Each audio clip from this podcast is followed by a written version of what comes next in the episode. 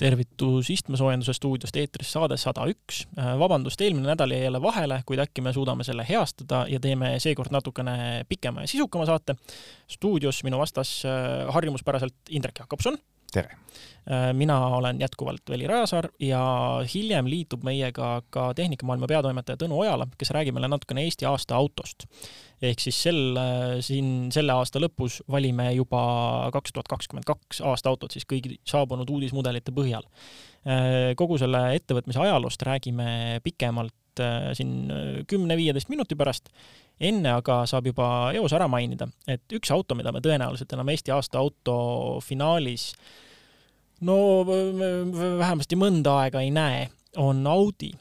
Üle-eelmisel aastal oli Audi e-tron täitsa finaalis olemas, aga nüüd on juhtunud säärane huvitav asi, et Audit ei pruugi me näha nii, lisaks Eesti aasta auto finaalile ka erapooletutes arvustustes ja arvamuslugudes üldsegi, sest et võeti vastu huvitav otsus, et nüüd on Audil oma nii-öelda lugude ihukirjanik või siis keegi, kes ise neid kirjutab, teeb videoid ja kõiki asju, seda sellepärast, et Audi soovib siis sõnumit kontrollida ja veenduda, et noh, laias laastus siis põhimõtteliselt Audi äh, maksab ja tellib ka muusika. ehk teisisõnu, enam ei näe võib-olla Audit kirjeldavates lugudes märget sisuturundus, aga tegemist hakkab olema ainult ja vaid sisuturundusliku lugudega, mis on siis tootja poolt kontrollitud, rahalisi suhteid me kahjuks ei tea ja see ei ole ka lõppude lõpuks oluline, sest kui tegemist ei ole enam vaba ja täiesti sõltumatu kirjeldusega, siis ei oma enam tähtsust, kes kellele kui palju maksis. jaa, absoluutselt, et äh, noh äh,, tahaks loota, et ükski teine Eesti edasimüüja mingit nii lolli otsust ei tee. aga me võime ju teha ainult ühte asja, et kui me ei lubata rääkida temast, siis me temast ei räägi, nii et nägemiseni, Audi Äh, järgmiseks saame liikuda teise Saksa tootja juurde, mis on BMW rindel uudiseid? BMW rindel on uudiseid see, et kontsernis, millest eelmine kord rääkisime, Rolls-Royce'ist ja Minist, siis Minil on vahepeal ringi liikumas täiesti uus kolmanda põlvkonna Countryman. küll maskeeringuga veel, aga on juba nähtud ringi sõitmas ja tegemist saab siis olema täpselt BMW X1 autoga, ehk see tuleb siis nii sisepõlemismootoriga, see tuleb täishübriidina, see tuleb täiselektrilisena ja valmistama hakatakse sedasama autot, ehk siis mõlemad tegelikult ühes ja samas tehases. Leipzigis, Saksamaal, miks see on Eestile oluline, see on seesama autotehas, mida kunagi Eesti endale suure konkursiga otsis, aga lõpuks ikkagi Saksamaale maandus. ja see Mini Countryman, siis kolmas põlvkond, peaks jõudma Eestisse aastal kaks tuhat kakskümmend kolm. negatiivne uudis on see, et Euroopasse on väga ammu oodatud Mini Minorit, aga see tuleb hoopis teisel platvormil, seda valmistatakse Hiinas koos Great Walliga ja ilmselt ka Hiinasse esialgu jääb. Mida meil teeb Mazda, meil oli paar saadet tagasi juttu CX kolmekümnest ja CX kolme värskendusest jah, et äh, CX3 värskendus on see, et äh, see jääb ära. Väga värskendav. Väga värskendav. Ja nagu ütlesime, ega sellest kellelgi kahju ei ole, et Mazdal oli ammu aeg oma mudelivalik välja vahetada tänapäevasemate autode vastu ja seda ta on tegemas väga jõuliselt. CX30 jääb ja CX30 saab äh, mudeli värskenduse omal ajal, aga praegu tuli selline pisut mudeli värskenduse eelne mudel Carbon Edition ehk siis nagu autotootjatel ikka kombeks, et kui midagi väga uut ei ole tuua, siis pannakse musta värvi nipet-näpet siin-seal, väljed, peeglid, istmekatted. süsinikkiu imitatsiooni. jah, ja imitatsioonidega asi piirdubki, et sisu ja muu vorm on kõik täpselt sama, aga noh, müüjad äh, saavad natuke aega öelda, et see on uus või peaaegu uus. meenutab natukene seda viimast Nissan GT-R-i erimudelit, mis laias laastus tõi ka ägedamad väljed ja tõi tagasi eelnevatelt mudelipõlvkondadelt tuntud kuulsad värvid äh, mis need siis olid, üks oli Midnight Purple ja teine oli, ma olen juba nime unustanud, aga selline, no ühesõnaga ütleme, huvitav värv, mida fännid teavad, et, äh, et kõik on nii uus, nii uus, nii põnev, aga tegelikult on ikka kõik vanaviisi. vaata, kui lihtne on automaailmas innovatsiooni teha, võtad uue värvi ja ütledki, on uus mudel. ja ei, isegi mitte uue värvi, vaid vana värvi. vana värvi tagasi. kaks mudelipõlvkonda tagasi oli, nüüd toome tagasi ja see on selline uuendus. aga uuenduste osas äh, Ford jaa, et Fordist ei ole ammu meil olnud väga põhjust rääkida, et äh, ta on kuidagi kippunud radarilt maha kukkuma ka täiesti teenimatult, et iseenesest on ju väga vana ja soliidne automark ja täiesti korralikult toodab. jah, kuidagi vähe on uudiseid olnud Fordist küll viimasel ajal paraku, et ei, ei, ma saan aru, et sa oled pidanud kaevama, mul postkasti igatahes ei potsata.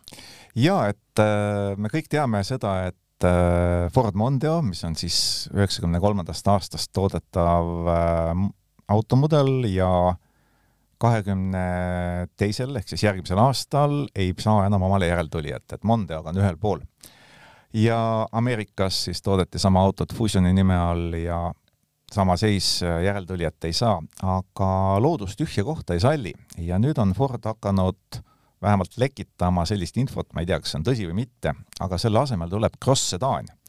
kes ei ole sellisest autoklassist veel midagi kuulnud, siis varsti saab seda kuulda ja näha. See tähendab lihtsalt Äh, väikeste plastmassist äh, lisanditega veidi kõrgemaks tõstetud sedaani või siis laukpära. ehk siis ühesõnaga kogu see cross-indus on läinud täiesti nagu hulluks, et meil on äh, crossover itest linnamaasturitest on saanud mingisugused laukpärakujulised asjad, kupeemaasturid ja siis nüüd ka cross sedaan. ja, ja tuleb välja, et cross sedaan on ilmselt tulevikuauto, sest Opel äh, on näidanud juba väikselt, küll väikselt ja ainult väljaspool pilte uuest Astrost, mis saab ka cross-sedaani lisaks sellele, et on madalvorm, et noh, midagi uuega peab ju üllatama, sest inimestele on linnamaastureid juba varsti kaks aastakümmet müüdud ja sa ei saa ühe ja sama hiti peal kogu aeg ratsutada, et peab midagi uut välja pakkuma. no aga mis uut siis olema saab?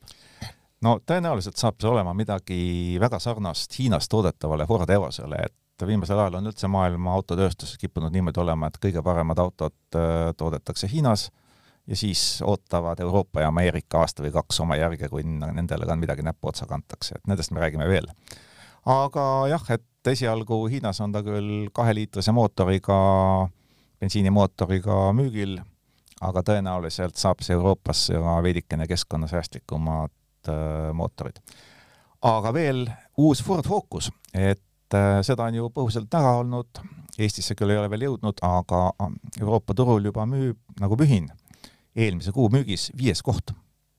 siin seda müügitabelit vaadates muidugi Äh, võtaks, keriks paar lauset tagasi, et noh, et linnamaastur äh, ei ole enam, et kui juba kõik tahavad uuendada, aga samas siin tabelis on näha linnamaastureid ikka no ütleme, ütleme rohkem kui pinuga, et siin on meil ju top kümme siis tagantpoolt kümnest tulles on Renault Captur, täitsa ütleme noh, ta ongi laukpära linnamaastur onju või kuidas teda siis nimetada? ei, tema on ikka täitsa tavaline klassikaline crossover, ütleme siis crossover peenelt, et temast ju nelikvedu ei pakuta, et tema puhul me võime rääkida nii sellest kui teisest, et ega Renault nagu väga ei pahanda selle peale, kui üks või kaks, ütleme.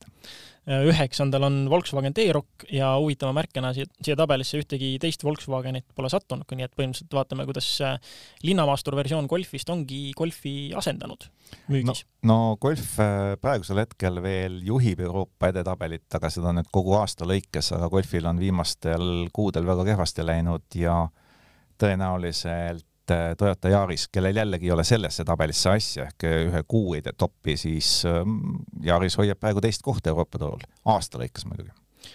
kaheksandalt kohalt leiame Opel Corsa, seitsmendalt Fiat Panda, kuuendalt Fiat viiesaja, huvitaval kombel ongi siin Euroopas on, need lähevad peale, Eestis nagu neid väga ei märka ja ei, ei tegeleta aktiivselt selle, selle müügiga. aga kui me mõtleme seda, et äh, seal taga on Hispaania, Itaalia mm, -hmm. Prantsusmaa, kõik väga mitmekümne miljonilise elanikkonnaga riigid, kus Fiat on jätkuvalt väga populaarne, nii et siin ei ole midagi imestada. viiendal kohal mainitud Ford Focus, neljandal Peugeot kakssada kaheksa, kolmandal Dacia Sandero kes on siis mitmeid kuid ka lammutanud omakorda, onju. jah, et ta on olnud ka lausa esimene, kohe nii nagu Sandero tuli, nii ta tippu hüppas ja on noh, võib-olla ta, kuna ta tuli hili, hilja suhteliselt aasta keskel, siis ta tõenäoliselt aasta lõikes või väga tippu ei jõua, aga aga töötab selle nimel? väga põhimõtteliselt äh, teisel kohal Renault Clio ja esimesel Peugeot kaks tuhat kaheksa. et noh, tegelikult ikka linnamaasturid siin teevad, teevad veel ilma ja, ja ilmselt äh, jäävad veel kaua tegema, et ega neid äh, uusi cross-sedaane niipea ei tule. aga Jaguar äh, on hädas oma mudeligamma süsiniku emissiooniga, sest Euroopas teatavasti süsinikutrahvid on karmid ja Jaguari ostja ei maksa niimoodi päris kinnisilmi kõik kogu raha ära nagu Rollsi või Lambo klient, et keda need väga ei, probleemid ei huvita. nii et kas Jaagurilt on äkki oodata mõnda väikest äh, mõistlikku Cross Sedan kabriolett kolmerattalist randuletti? Äh, kindlasti mitte, Jaagurilt on oodata suhteliselt keskkonnasäästlikku mudelit, äh, tõenäoliselt täiselektrilist, aga mitte enne kahekümne viiendat aastat, nii et sellel teemal on spekuleerida natukene vara. aga raha küsib Euroopa Liit igal aastal päris halastamatult ja kus häda kõige suurem, seal abi kõige lähem, et äh, Tesla onu Elon tule päästa.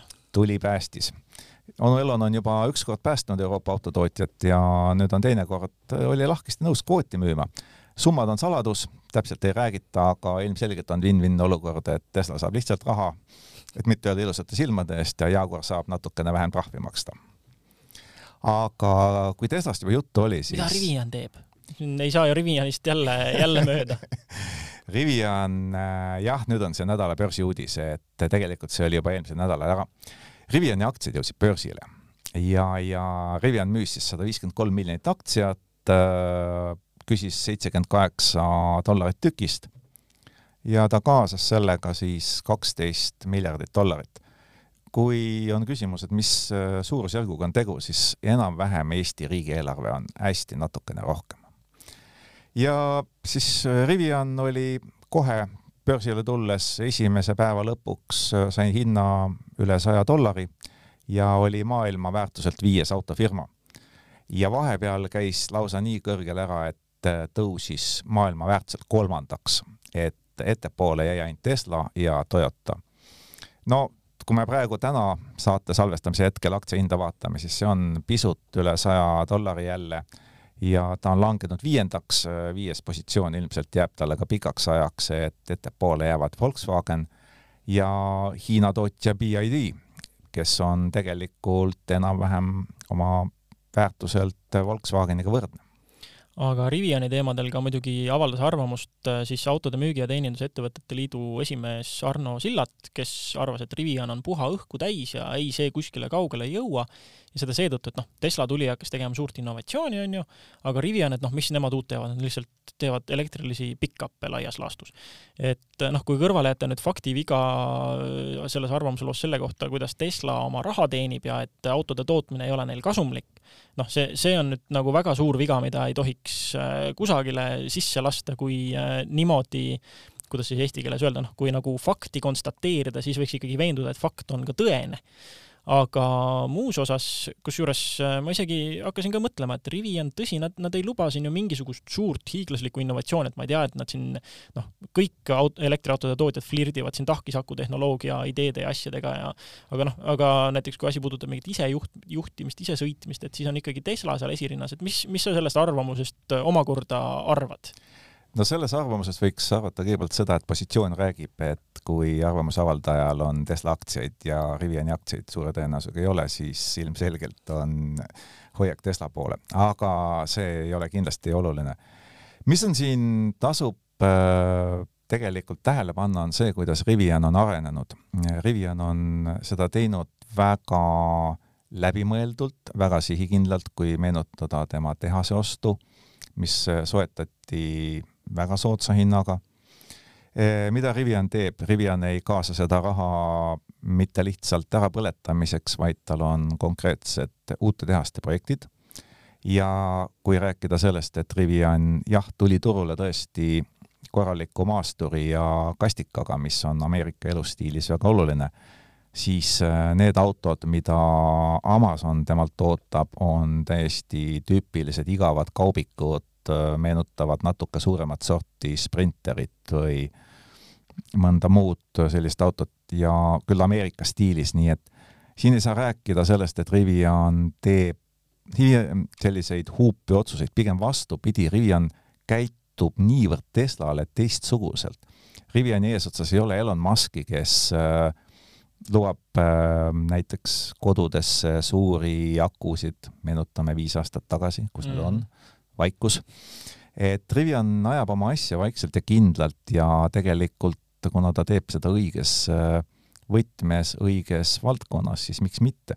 ja loomulikult noh, ei maksa kade olla, et praegu on see aeg, kui aktsia uued emissioonid saavad väga palju raha, sest raha on turul ja Rivian otsustas selle kokku korjata. samas on jah, väga niisugune huvitav jälgida, kuidas noh, ongi põhimõtteliselt, sul on, sul on üle sajandi vanused autotootjad, kelle, kes on tootnud ja kogu oma kasumi ja kogu oma nii-öelda ütleme, impeeriumi üles ehitanud autode tootmisele ja kelle turuväärtus sellegipoolest on allapoole siis nii-öelda ütleme idufirmade, mis tulevad ja siis on kohe miljardid taga. et, et selles mõttes väga huvitav aeg tõesti, kuidas äh, tehnoloogia areng, see, millega sa tegeled, see, mis valdkonnas sa tegeled ja need lubadused, mida sa no ühelt poolt siis lubadused, mida sa annad, või teiselt poolt siis see, kuidas sa oma visiooni täide viid, on juba investorite jaoks nagu piisav, et nad hindaksidki sind nii kõrgelt. aga siin tuleb vaadata seda, et äh, hästi palju on Rivianile ette heidetud, et ta tahab teha teist Teslat. ta tahab olla Tesla kaks. aga kui vaadata Riviani tooteportfelli ja kogu tema arengut, siis tema idee ongi just see, et ta ei kopeeri Teslat. kui ta kopeeriks Teslat, siis ta ilmselgelt äh, lõpetakski nii kehvasti, nagu prognoositud.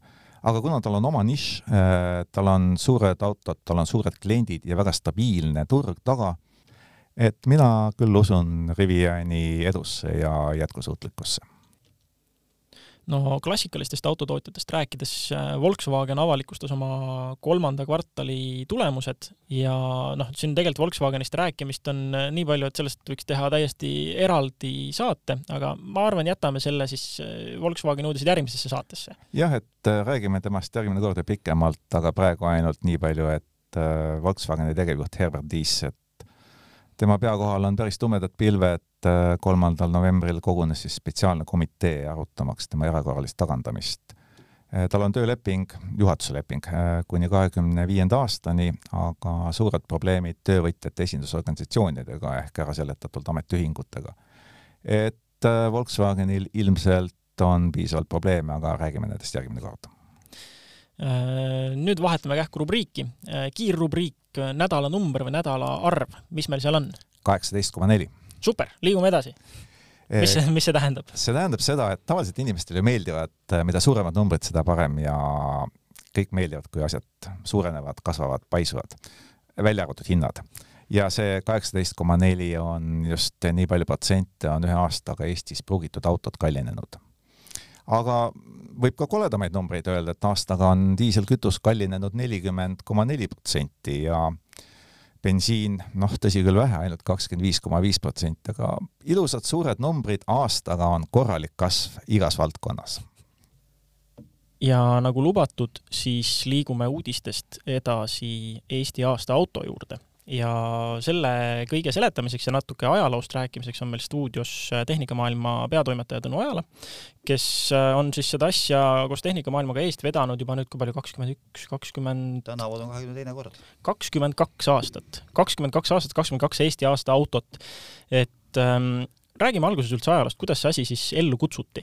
Euroopa aasta autot oli selleks ajaks juba päris mitu aastakümmet valitud ja äh, kindlasti oli ka leedukatel mitu korda juba see protsess läbi tehtud, nii et eks meil tekkis toimetuses omakeskis arutelu, et ega me ometi leedukatest ei saa kehvemad olla.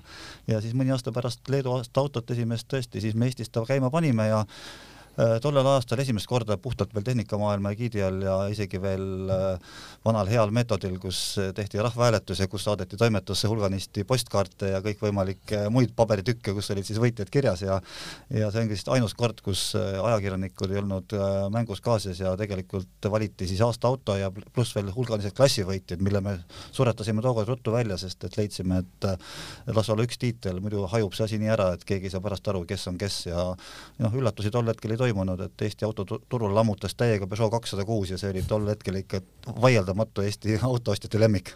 aga kuidas üldse ajalooliselt on, et eh, kuidas meil on lood, ma ei tea, võitjate statistikaga, kui palju mõni tootja, kes, kes on kõige rohkem võitnud üldse Eesti aasta autot? meil on kokku selle kahekümne ühe aasta jooksul, mis siiani on korraldatud, on meil kaksteist erinevat võitjamarki ja endiselt juhib Škoda nelja võiduga ja huvitav oli see, et äh, tol hetkel, kui Škoda oli neljal korral finaali saanud, oli tal ka neli võitu. tänaseks on äh, protsent mõnevõrra kukkunud, aga, aga nelja võiduni ei ole veel keegi jõudnud. tänavu on äh, teoreetiline võimalus, et neljanda võiduni võiks jõuda Opel, kellele siiamaani siis kolm võitu on, samas Škoda samuti finaalis ning pole välistatud, et tuleb neil hoopis viies ja samas võime ka vaadata veel tahapoole, kus üks võit on ju varasemast Mercedesel kirjas, nii et ka nemad oma C-klassiga võiksid oma võitude arvu kohe kahekordistada kaks marki, kes meil veel finaalis on, Dacia ja Hyundai, nendel ei ole siiamaani veel seda täistabamust tulnud, et äh, Hyundai'l on küll äh, õige vähe puudu jäänud, nendel on üks teine koht ajas laost täitsa võtta, nad i nelikümmend tuli kunagi vist aastal kaks tuhat kaksteist teiseks.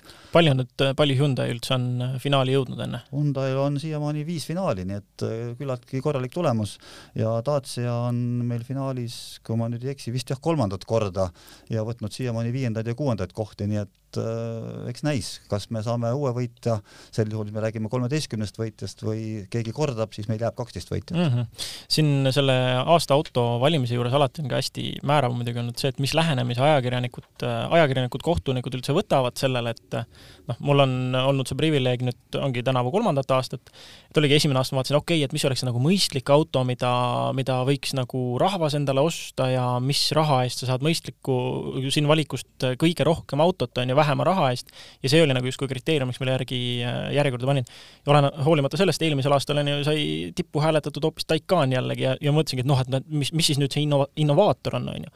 et äkki, äkki jõuab aeg sinnamaale, et, et vaadatakse Daciat ja mõeldakse, et no kuramus, siin on tegelikult selle raha eest ju autot kui palju, et see tundub, et vist kollektiivselt nagu tähed peaksid joonduma ja planeedid, et kõik mõtleksid, et nii, nüüd hääletame mõistlikku autot. no kõigepealt me oleme juba mõistlikult hääletanud, sest need kuus autot on finaalis ja arvestades, et need valitakse kolme-neljakümne kahekümne auto seast välja, siis kõik need kuus, kes sinna pääsevad, on kas mõistlikud, innovatiivsed, millegi poolest silmatorkavad teiste taustal, nii et et isegi kui keegi seal kuuendaks jääb, siis võitja on ta igal juhul juba. ma arvan, et äh, kuna kõik kuulajad tõenäoliselt ei pruugi veel olla kursis sellega, mis masinad finaalis täpsemalt on, siis äh, loeks korra nad ka ette, meil on siis, meil on kaks Hyundai'd, meil on Ioniq viis, meil on i kakskümmend, siis nii-öelda oma tavalises maitses ja meil on Dacia, issand, et on siis Logan Logan ja Sandero, noh, siin me võime vaielda, et kas tegu on sama autoga või mitte mm, -hmm. et noh, me panime nad küll kokku, äh, maaletooja tahaks neid nagu eraldi näha, nii et noh, mait-, natuke maitse asi, aga ühesõnaga me teame, millest on jutt. siis meil on Opel Mokka, meil on Škoda Enyaq ja meil on Mercedese C-klass nii et need on meie kuus finalisti ja tegelikult aeg on vist ju nii kaugel ka, et millal meil on oodata tulemusi ja galat? no tundub praegu, et kuna olukord äh, koroonarindel muutub järjest paremaks, siis esialgne plaan kaheksandal detsembril see välja kuulutada võiks seekord teoks saada. Äh, mingisugused hääled on sulle juba ka laekunud, äh, saladuskatte all on juba näha esimeste häälte põhjal mingit rebimist jah, eks seal on rebimisi juba eh, päris algusest peale, sest et kui esimesed eh, üks-kaks-kolm inimest eh, oma hääled saadavad ja punktid summeeruma hakkavad, siis mingis suunas hakkavad need asjad ju liikuma.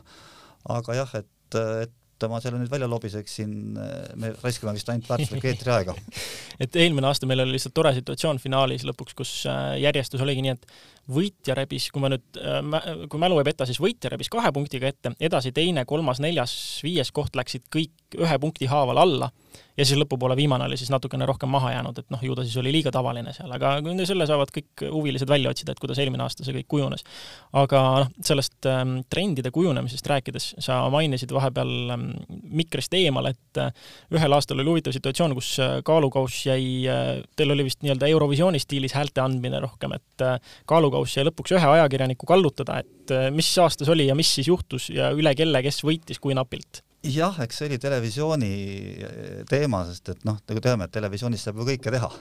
Ja noh, nii nagu need punktid mulle ju tegelikult laekuvad, ega me ei pruugi neid ju nii ette mängida. Ja kuna tookord tehti kõik teleülekande põhjal ja siis me säilitasime põnevuse lõpuni, nii et, et ka viimaste punktide laekumisega ikkagi midagi juhtuks ja siis äh, Äripäeva esindaja tollane äh, kukutas viimase hetkega kindla liidri rolli olnud BMW esikohalt ja ühe punktiga võitis Honda Jazz, nii et äh, pärast oli tema justkui patuoinas, kuigi noh, tegelikult ju ei olnud. Nii et ühesõnaga on ka draamat saanud, aga kui nüüd ähm, vaadata Eesti aasta autot hoopis sellest aspektist, et noh, kas või eelmise aasta puhul oli selge see, et kui vaadata pärast seda, kui Taycan välja kuulutati, seda, mis äh, sotsiaalmeedias ja üleüldse meedias äh, toimus, siis oligi noh, see karjuv arvamus oli, et mis mõttes, mis, mis aasta auto see on, on ju, et ähm, kui nüüd pragmaatiliselt läheneda, siis tegelikult mis meil sellest aasta autost kasu on, ma saan aru, et nii Indrek kui Tõnu, teil mõlemal on olnud ka aasta auto võitjaid, oskate öelda, et olid see nagu õigustatud valikud toona või on ajapikku tulnud välja, et kurat, ikka valisime valesti, laguneb ja kõik muud asjad ja kõik on väga pahasti? mina sõidan enam-vähem vastava autoga aastast kaks tuhat neliteist, ma sain küll ta kätte mõned aastad hiljem, nii et Volkswagen Golfiga ja tema kahtlemata on oma rolli õigustanud. meil on selles pikas rivis kindlasti ka autosid, mis ei ole Eesti turul mingit erilist rolli mänginud, noh, siin meenub kohe Renault Vingo näiteks, mis tookord oma, oma põneva tagamootori ja sellise, sellise, selle nunnumeetriga ilmselt to tookord ka võitis ja meil on siin Škoda Roomsterit, mis ei ole ilmselt suur, suur tegija olnud, aga samas me leiame siit ju Škoda Superbi, Ford Mondeot, nimetatud Golfi, Mazda kuute mm, -hmm. nii et selliseid tavaautosid on siin päris palju, samas jah, tunnistame pattu, oleme valinud ka Kiia Stingeri ja Porsche Taycani, nii et et eks mis parajasti peale läheb, aga Taycani koha pealt ma ei ütleks, et see väga vale valik oli, sest et ega mullu jäänud ju palju puudu, et tegu oleks olnud Eesti enim müüdud elektriautoga mm. -hmm. elektriautod on paratamatult äh, peale tulemas, ma olen ühes teises raadiojaamas pidanud siin kuu aega tagasi intervjuus vastama, et millal äh, võidab Eesti aasta auto viimane mitte elektriauto, ma ütlesin, et võib-olla oli see kahe aasta tagune Mazda kolm, ma ei tea seda. ja vaadates praegu jah, seda, kuidas on eelmine, eelmine aasta meil oli juba kaks elektriautot, on ju, meil oli Honda E, meil oli Taycan. Ja, ja siis meil oli veel äh, kombineeritud särtsukaid, meil oli, kas see Peugeot, mis meil oli finaalis, tema oli ju saadaval nii elektri kui sisepõletajaga, onju. no tänavu on täpselt sama lugu meil mm. -hmm, et ongi... Opel Mokka on samuti saadaval kõigi jõuväärikatega.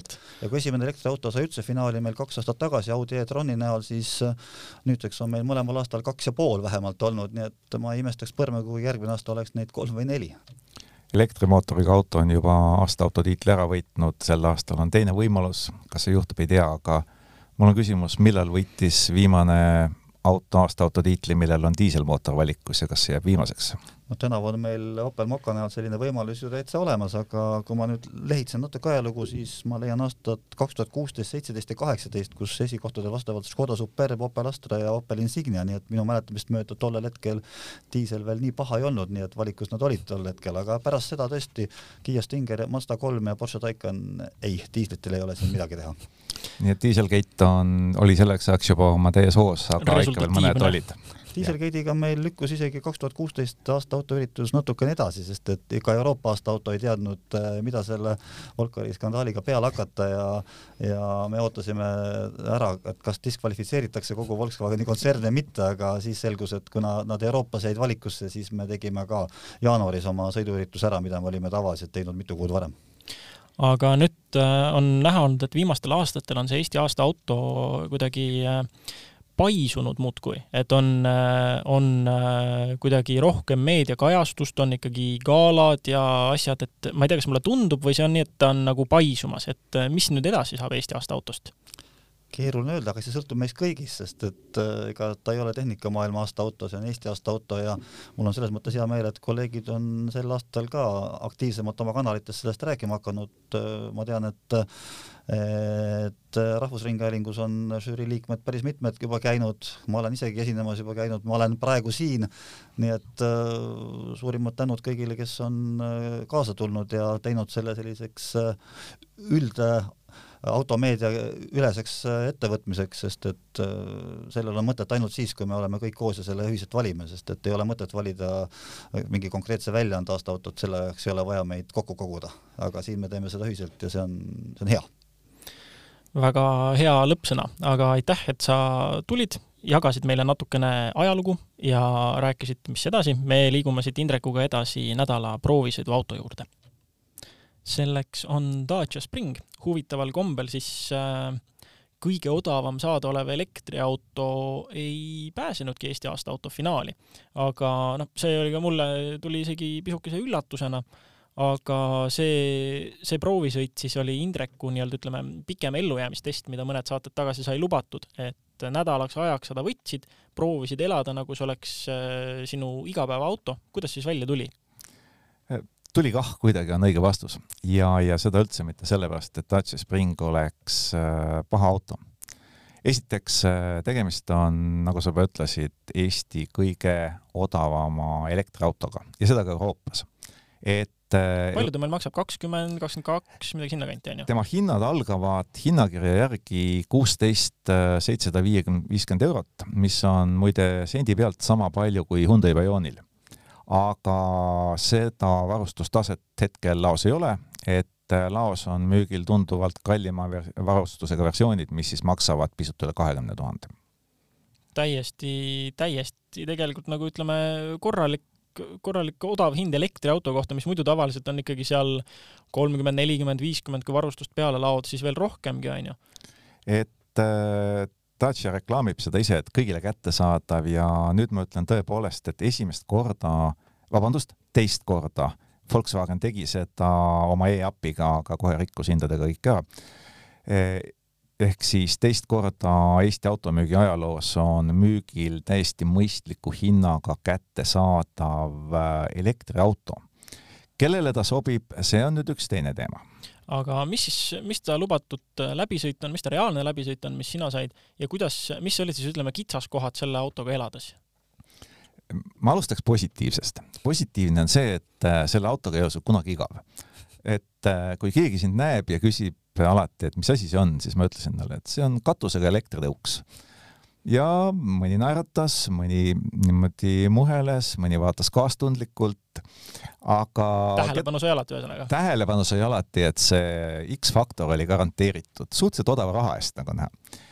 et äh, kui rääkida ametlikest numbritest, siis VLTP järgi, mida tähendab siis viiskümmend seitse protsenti linna, kakskümmend viis protsenti maanteed ja kaheksateist protsenti kiirteed et VLTP metoodika järgi kakssada kolmkümmend kilomeetrit ja linnas siis kolmsada viis, noh, seda katsetada ei õnnestunud, aga kombineeritu kohta ütlen ma niimoodi, et ei, Eestis kakssada kolmkümmend niimoodi kätte ei saa, kui sõita kakskümmend viis protsenti maanteed ja veel natukene kiirteed, et seal nagu see elekter kaob sealt akust päris kiiresti, aga linnas, äh, linnas on ta ikkagi äärmiselt ökonoomne ja kui kiirusi nagu mõistlikult maanteel valida ja rekkad mööda lasta, sest sa valid äh, noh, ütleme rahuliku kulgemise kiiruse, siis saab kahesaja kolmekümne kilomeetriga hakkama, aga muidugi sellele noh, nagu rõhuda ma ei soovita, et arvestada tuleb mõistlikult sõites, ütleme niimoodi,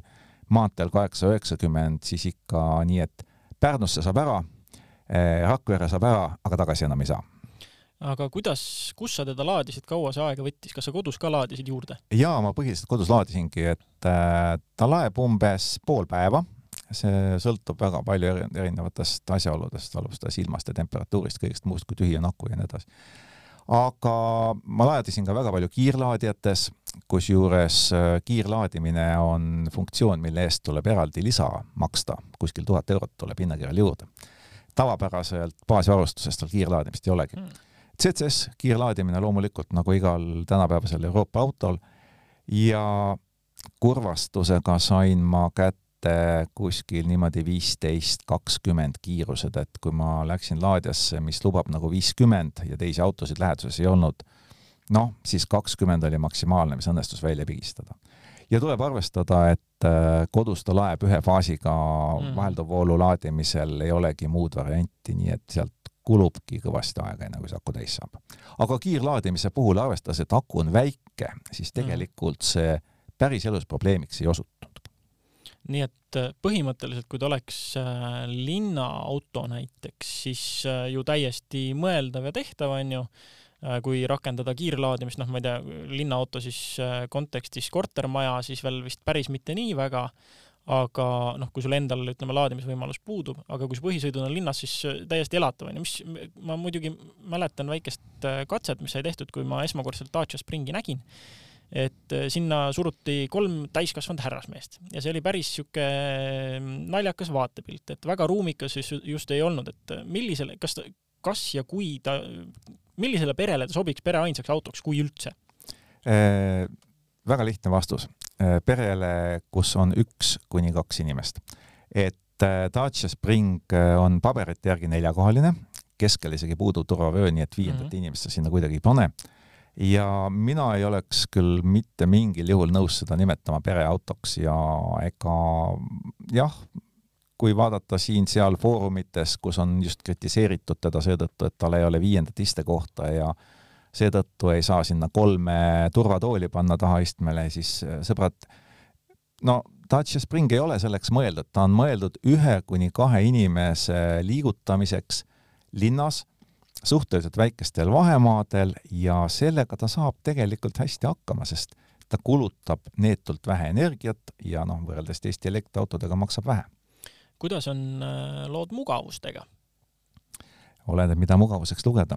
noh, rattad, istmed, tuuleklaas on ja katus pea kohal on olemas, seda me oleme suutnud juba järeldada, Dacia puhul see on väga hästi.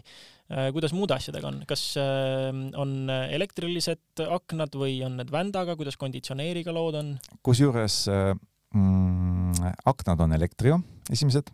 milline priiskamine elektriautos? jaa, aga selle eest on kokku hoitud kojamehega, on üks kojamees oh, väga aerodünaamiline ja kaalusääst ju ka ometi. jaa, kui sa meenutad, siis kunagi ma nüüd mõtlen, kas V sada kakskümmend neli või V sada kakskümmend kolm kerega Mercedesel oli ka üks kojamees ja sai ka täitsa hästi hakkama. no ja üks kojamees, keskne kojamees, see on väga racing, see ja. on ju kõik äh, lootused ja võidusõiduautod ja kõik asjad on selle ühe keskse kojamehega. ja näiteks noh, tagaluuk on tehtud niimoodi, et seal ei ole seda kohta, kust kinni võtta vaid võtad luugi servast, aga kuulge, sõbrad, kõik Volgad olid ju ilma selle luugita, kõik Žigulid olid ilma selle luugita, nii et me oleme harjunud hakkama saama. kas taga on kojamees? jaa, taga on kojamees, sest ilma selleta oleks see auto saanud kohe nii hävitava hinnangu, et ta ei jõuaks kuskile siin äh,. oli sul, noh, hävitavast hinnangust rääkides, oli mingisugune asi, mis sinu jaoks oleks täielik äh, deal breaker, mis äh, välistaks üldse selle auto ostu?